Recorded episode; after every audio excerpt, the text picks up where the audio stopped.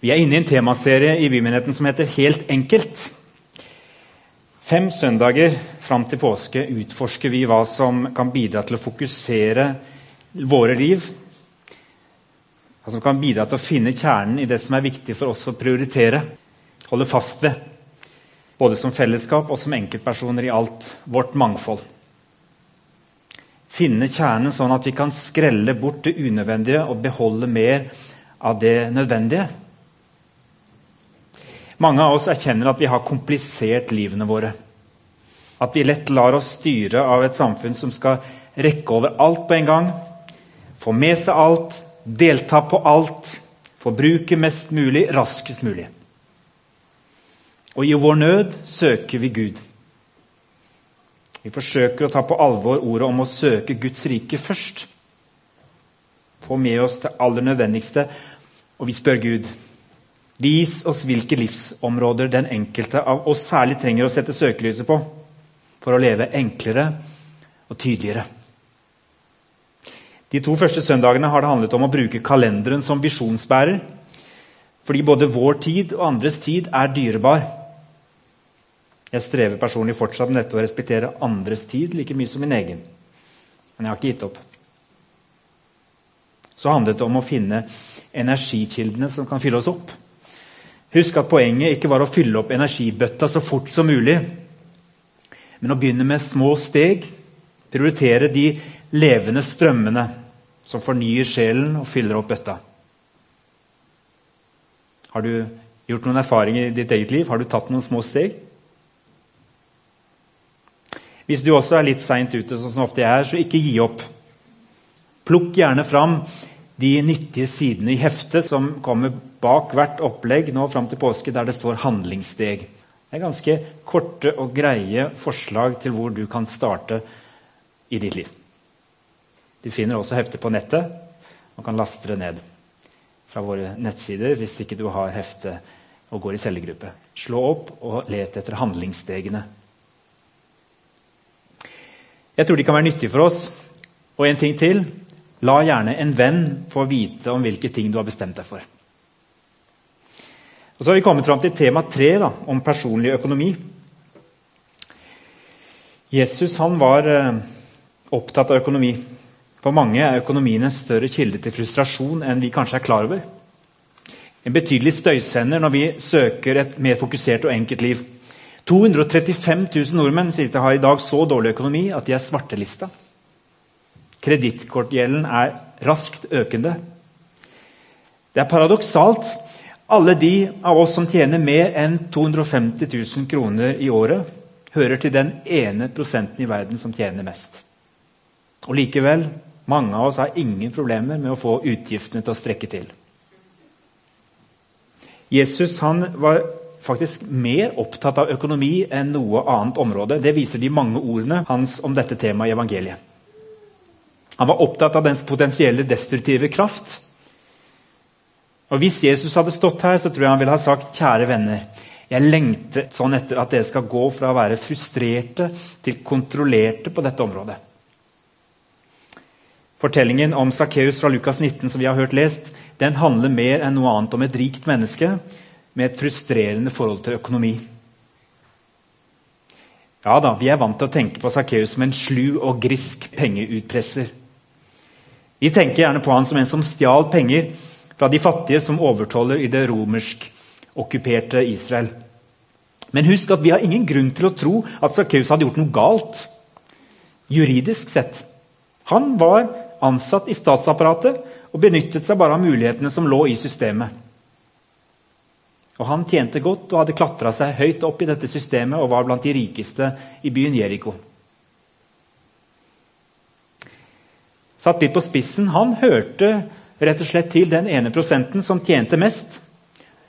Og det skjedde i stor grad på bekostning av andre. For alle kunne ikke tjene like mye i den byen. Men Sakkeus var ikke fornøyd. Og det var fordi han var lei av å være så dårlig likt, kanskje. Det kan være en årsak. Han hadde lyst til å forbedre sitt omdømme. Men, men det kan også hende at det handlet om et reelt og dypt ønske om forandring i livet sitt fordi han var frustrert og kjente at økonomien var blitt krevende. Det å ha så mye hadde bare gitt han økte problemer og ikke noen særlige velsignelser.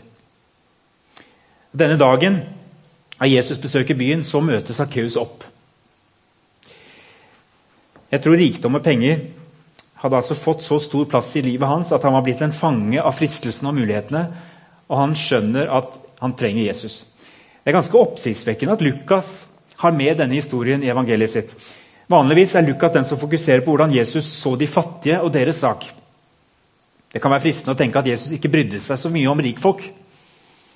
Sakkeus-fortellingen viser det stikk motsatte. Vi kunne se for oss at dette starta med at Sakkeus kastet seg på knærne og ba ydmykt om miskunn og nåde. Og så, så kunne Jesus si Selvfølgelig, jeg tar jeg tar inn hos deg. En slik ydmyk person vil jeg gjerne kjenne. Bli bedre kjent med. Det, det er ikke slik det er Jesus som nærmer seg Sakkeus og snakker til ham direkte. Og I dette tilfellet var det tydeligvis ikke nødvendig å slå på storslegga. Det er en omsorgsfull, men tydelig Jesus som ser rett på Sakkeus. Antagelig ser han rett gjennom ham. Og så inviterer han rett og slett bare seg sjøl inn i hans liv. Og Sakkeus' umiddelbare respons er ikke frykt, men glede. Det står han skyndte seg da ned av treet og tok imot ham med glede. Vi vet ikke hva den gode samtalen mellom Jesus og Sakkeus handlet om mens de spiste. Men det er mye som tyder på at Jesus trykket på noen viktige knapper på det området av livet som Sakkeus hadde størst utfordringer med. på.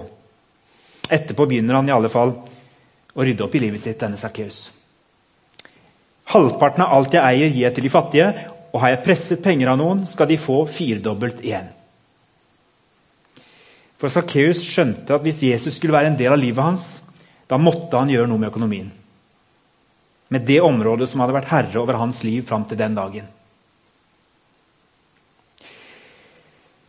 Når Jesus ser oss og inviterer seg inn i livet vårt, da får han lov til å sette søkelyset akkurat på det som det er viktigst å gjøre noe med. I Sakkeus liv handlet det om økonomi. Jesus var altså veldig opptatt av økonomi og pengeforvaltning. Jeg kan ikke huske at vi hadde noe fag på teologistudiet som heter økonomi. I forhold til den betydning Jesus gir det temaet, kan det godt hende vi burde hatt det.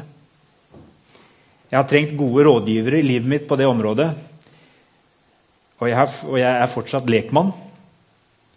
En som jeg har hatt gode samtaler med om familieøkonomi, det er en eh, kamerat som heter Jon Willy Bjerkeli. Han, eh, han, og kona Katrine gikk i bymenigheten for noen år siden, så noen kjenner igjen ansiktet. Før de, de flyttet etter hvert til Bogafjell, ble med i menigheten der, og seinere flytta de til Hana og bor nå der. Jon Willy han jobber som finansrådgiver i bank. For, no, for noen uker siden gjorde vi en avtale om at han skulle hjelpe meg med denne talen. Fordi han skulle være skiinstruktør nå i helga, så kunne han ikke være her og delta i gudstjenesten. Men vi avtalte å møtes til lunsj på torsdag. Jeg sendte ham noen spørsmål på forhånd. Det skulle bl.a. handle om dem som kommer til ham med stor gjeld, som strever med å holde sine forpliktelser fordi de har mistet jobbene sine. Hvordan er det, Hvordan er det å være finansrådgiver akkurat nå?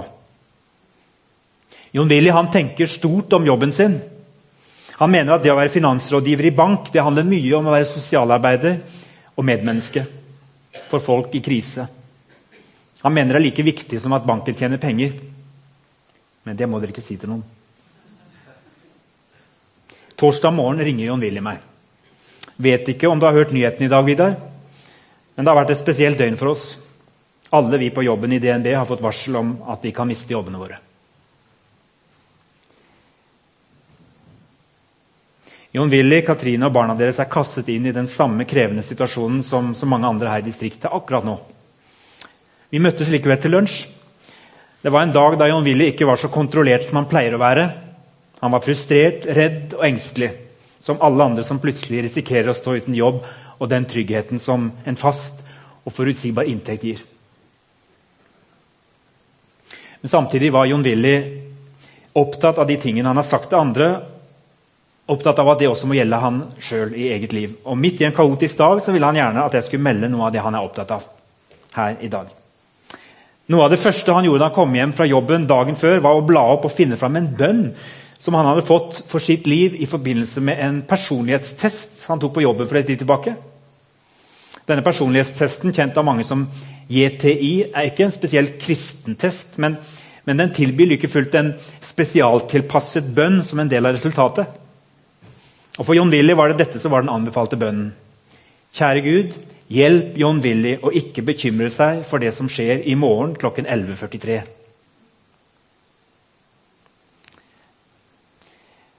John Willy er en type som liker å ha kontroll, og det gjør han til en god økonomimann. Han trives ikke så godt utenfor komfortsonen. Nå var han der. Nå lette han etter en god balanse mellom ikke å bekymre seg, samtidig forholde seg rasjonelt til det som hadde skjedd. Forsøke å gjenvinne kontrollen og samtidig tørre å overlate kontrollen til Gud for de ting som han ikke kunne være herre over. Og så lette han etter lyspunkt. Kanskje er det bra at jeg nå blir nødt til å tenke over om jeg skal bruke resten av arbeidslivet mitt som bankrådgiver, eller om det er noe annet Gud vil jeg skal gjøre. Jeg er heldig som har fast stilling. Det gir meg et litt lengre tidsperspektiv enn de som er konsulenter og som kommer til meg og har mistet sin inntekt fra en dag til en annen. Jeg ba ham beskrive sitt møte med disse som har fått livet omsnudd på veldig kort tid. Ja, Det er mange som er fryktelig fortvilet. Og veldig usikre på om de vil klare de økonomiske forpliktelsene som de er nødt til å overholde. Om de har inntekt eller ikke. Banken skal fortsatt ha sitt når det gjelder lån. Faste utgifter til strøm, telefon, mat, SFO. Noen ganger hjelper han dem med midlertidige løsninger som avdragsfrihet. Og Så må vi av og til snakke om forholdet mellom de nødvendige utgiftene og det som de strengt tatt ikke må ha. Vaner de kanskje må legge av seg, sa John Willy. Altså, I travle tider har folk kanskje begynt å kjøpe seg maten mer enn å lage den selv. Eller de får godt levert eller andre matpakker på døra. Det er en fristende løsning som mange prøver seg på. Den kan bli ganske dyr over tid. Vi ser på sånne ting. Unødig mange TV-kanaler, tilleggspakker, det er en gjenganger. Mange er opptatt av å ha nye biler og bytte ut bilen ofte. Jeg spurte om det ikke er riktig som noen påstår at det kan lønne seg å bytte ut bilen ganske ofte. Sånn hvert tredje år, sier noen. Nei, da lo han godt. Jeg har aldri sett at bil kan være en investering, sa han. Bil er alltid et tapsprosjekt. Nye biler taper seg 40 000-50 000 kroner idet de ruller ut av, av butikken. Dyre biler gir dyre forsikringer. For noen kan det være mye å spare på å bytte ut bilen med en billigere og enklere modell. Så begynte han å snakke om dette med å sette opp budsjett for seg selv. Og da begynte jeg å svømme i blikket og måtte gå og hente meg en kaffekopp til. Men det handler jo egentlig sånn, om å våge å begynne med det aller enkleste, enkleste, det første steget. Og Det kan være bare å trykke på en knapp, og han kan hjelpe deg med det. Du kan sitte i en finansrådgivning og sitte med dette, denne oversikten din, eller du kan gjøre det på nettbanken din hjemme, og den er ganske tøff. Trykke på den knappen som viser hvor mye du har tjent de siste månedene, og hvor mye du har brukt de siste månedene. Og Hvis du har brukt mer enn du har tjent, så er det på tide å ta en gjennomgang av økonomien. sier han. Og kanskje se litt på budsjettet ditt. For du skal ikke bruke mer enn du tjener. Så enkelt er det. Og så vanskelig. Så er det jo en positiv trend i tida, sa Jon Willy. At det er mye lettere nå enn tidligere å kjøpe ting brukt. Ikke bare på finn.no, men nå, nå, finnes det masse ting på nettet lokalt. På Gandal og på Austrått legger de ut kjøp og bytt og salg i, i nærmiljøet. Og Det kan kanskje være en artig og viktig ting at det faktisk er litt trendy å kjøpe ting som er brukt. I hvert fall hvis man ikke kjøper ting som man ikke trengte. Eller et nytt skjerf når man hadde fem fra før. Sånn som frosken. Jon Willy forteller om en nyttig erfaring han og familien gjorde seg da han var hjemme i ulønnet permisjon som pappa en lengre periode. De valgte å gå gjennom en del av de unødvendige forbruksvanene de hadde lagt seg til. De gikk ikke på restaurant i den perioden. De, det ble lite kino akkurat da. Men de erfarte at det var fullt mulig å betale avdrag og holde nede de faste utgiftene, selv om hans inntekt faktisk var eh, redusert betraktelig en lang periode. Han håper at de skal klare det samme nå, han håper at de har lagt opp til en økonomi som er forberedt på uventede ting. Og han oppfordrer alle til å tenke over om de har en anledning til å endre på kort varsel livssituasjonen sin og vite hvordan man da håndterer den. Jon Willy innrømte at det å spare penger på sparekonto i dag det er litt som å grave ned det ene talentet sitt, som, som eh, den ene mannen gjorde i lignelsen til Jesus. Det var han som fikk refs for at han bare hadde sørget for at det var det samme der etterpå, når mesteren kom tilbake. Han anbefaler folk å betale ned på lån, eller spare kanskje i trygge fond, hvis de har muligheten til det. Jeg spurte Jon Willy hvilket forhold han har til Bibels tiendepraksis. Og han sa at som kristen så opplevde han dette som veldig viktig og meningsfylt. Å sette av 10% og gi til Guds rike organisasjoner og menigheter. Men så sier han at også som økonomirådgiver så, så merker jeg meg når jeg ser på bankutskriftene om folk har faste giveravtaler til gode formål. Det forteller meg noe om at de er troverdige i sin økonomiforvaltning. De har plass i sitt liv til å gi til andre. Og det gjør også inntrykk på oss som skal vurdere lån og f.eks. avdragsmuligheter. Vi ser at dette er folk som har ryddig økonomi og har mulighet til å være raus med andre. At det er personer som har en viss kontroll, at de har gode verdier. Det er ganske brutalt å komme til bankrådgivning og i det hele tatt å forholde seg til økonomi når man har det tøft og ikke, ikke helt får oversikten over utgiftene sine. Og Jeg spurte han om det ikke er tøft å måtte gi sånne budskap til folk. Du står jo der som, en, som på en måte en slags overdommer. Finnes det ingen nåde? Er det rom for å være en kristen i den sammenhengen? Og så sier han at eh, vi har ofte mulighet til å gi folk en sjanse. Ofte er det mye lettere hvis folk ikke har venta altfor lenge med å komme og be om råd. Hvis folk ser at ting begynner å bli krevende, kom og snakk med økonomirådgiver, snakk med banken så tidlig som mulig. For da kan de ofte komme i forkant og lage gode planer. Det er mye verre når en har gått alene og gått lenge og ikke er i stand til å hente seg inn igjen. Veldig ofte er det godt mulig å ta grep hvis man tar imot veiledning. Sånn som Sakkeus, som eh, inviterte Jesus inn i hjemmet sitt og nok tålte å høre hva som virkelig brant i hans liv, og som han trengte å se på. Sånn kan vi også trenge å invitere både Jesus og hans mange av hans gode rådgivere inn i livet vårt. Hva skal vi gjøre da overfor mennesker som akkurat nå sliter veldig økonomisk? Hadde du noe råd, Jon Willy? spurte jeg. Ja, han sier at Det viktigste er kanskje ikke å gi råd. Det viktigste er kanskje ikke å komme med løsninger. Det første er at du faktisk lytter og er til stede. Akkurat nå er det mange som trenger gode venner.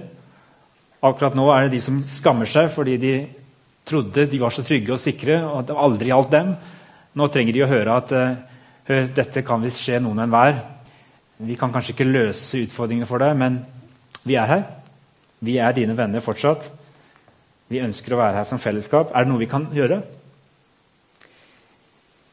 Kanskje er det veldig godt å ha noen å snakke med og sortere tankene sammen med. sa Willy noen som er tilgjengelige. og Kanskje kan da den krisen mange nå opplever, gjøre faktisk at vi blir bedre og varmere fellesskap her i Norge.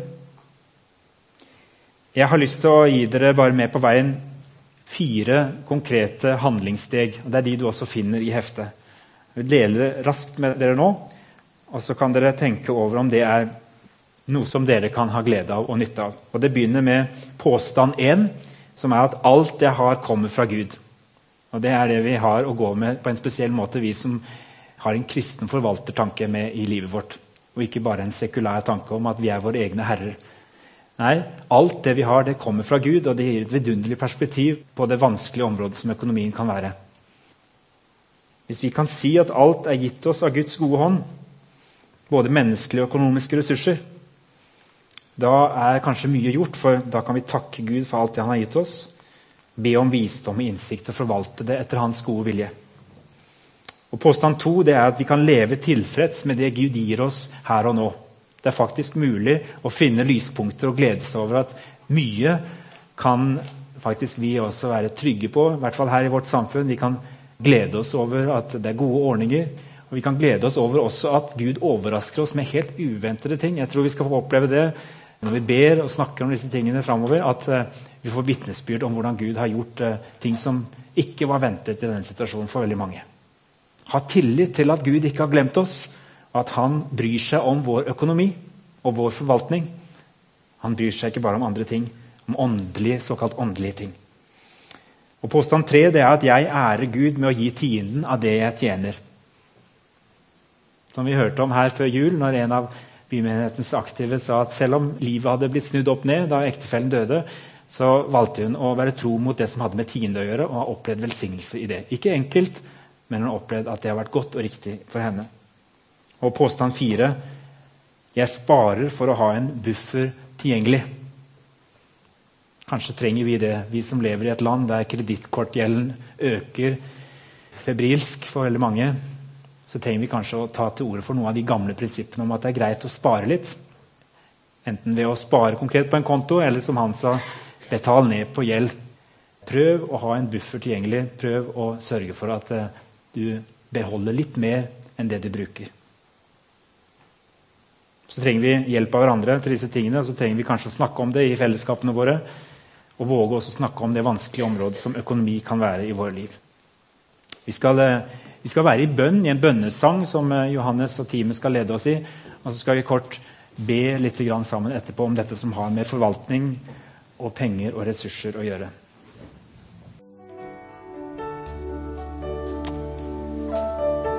La oss be. Vi vet jorden er ikke vår. Alt er ditt. Men alt er vårt i deg. Gjør oss til gode forvaltere av din mangfoldige nåde. Omsorgsfulle Gud og Far. Vi overgir til deg all energi på jorden, alle landskaper, havet og jordsmonnet, luften og alt levende. Måtte vi være gode forvaltere av ditt skaperverk. Til ære for deg til beste for generasjonene som kommer. Velsign alt arbeidet vårt, alle ressursene våre, verdiskapningen som gir menneskene klær, mat og husrom, mulighet til å reise, til å lære, til å kommunisere og utveksle kunnskap, til å skape ting, til å holde høytid og fest. Gud, hjelp oss til å gjøre alt dette til din ære. Vi vet jorden er ikke vår. Alt er ditt. Men alt er vårt i deg. Gjør oss til gode forvaltere av din mangfoldige nåde.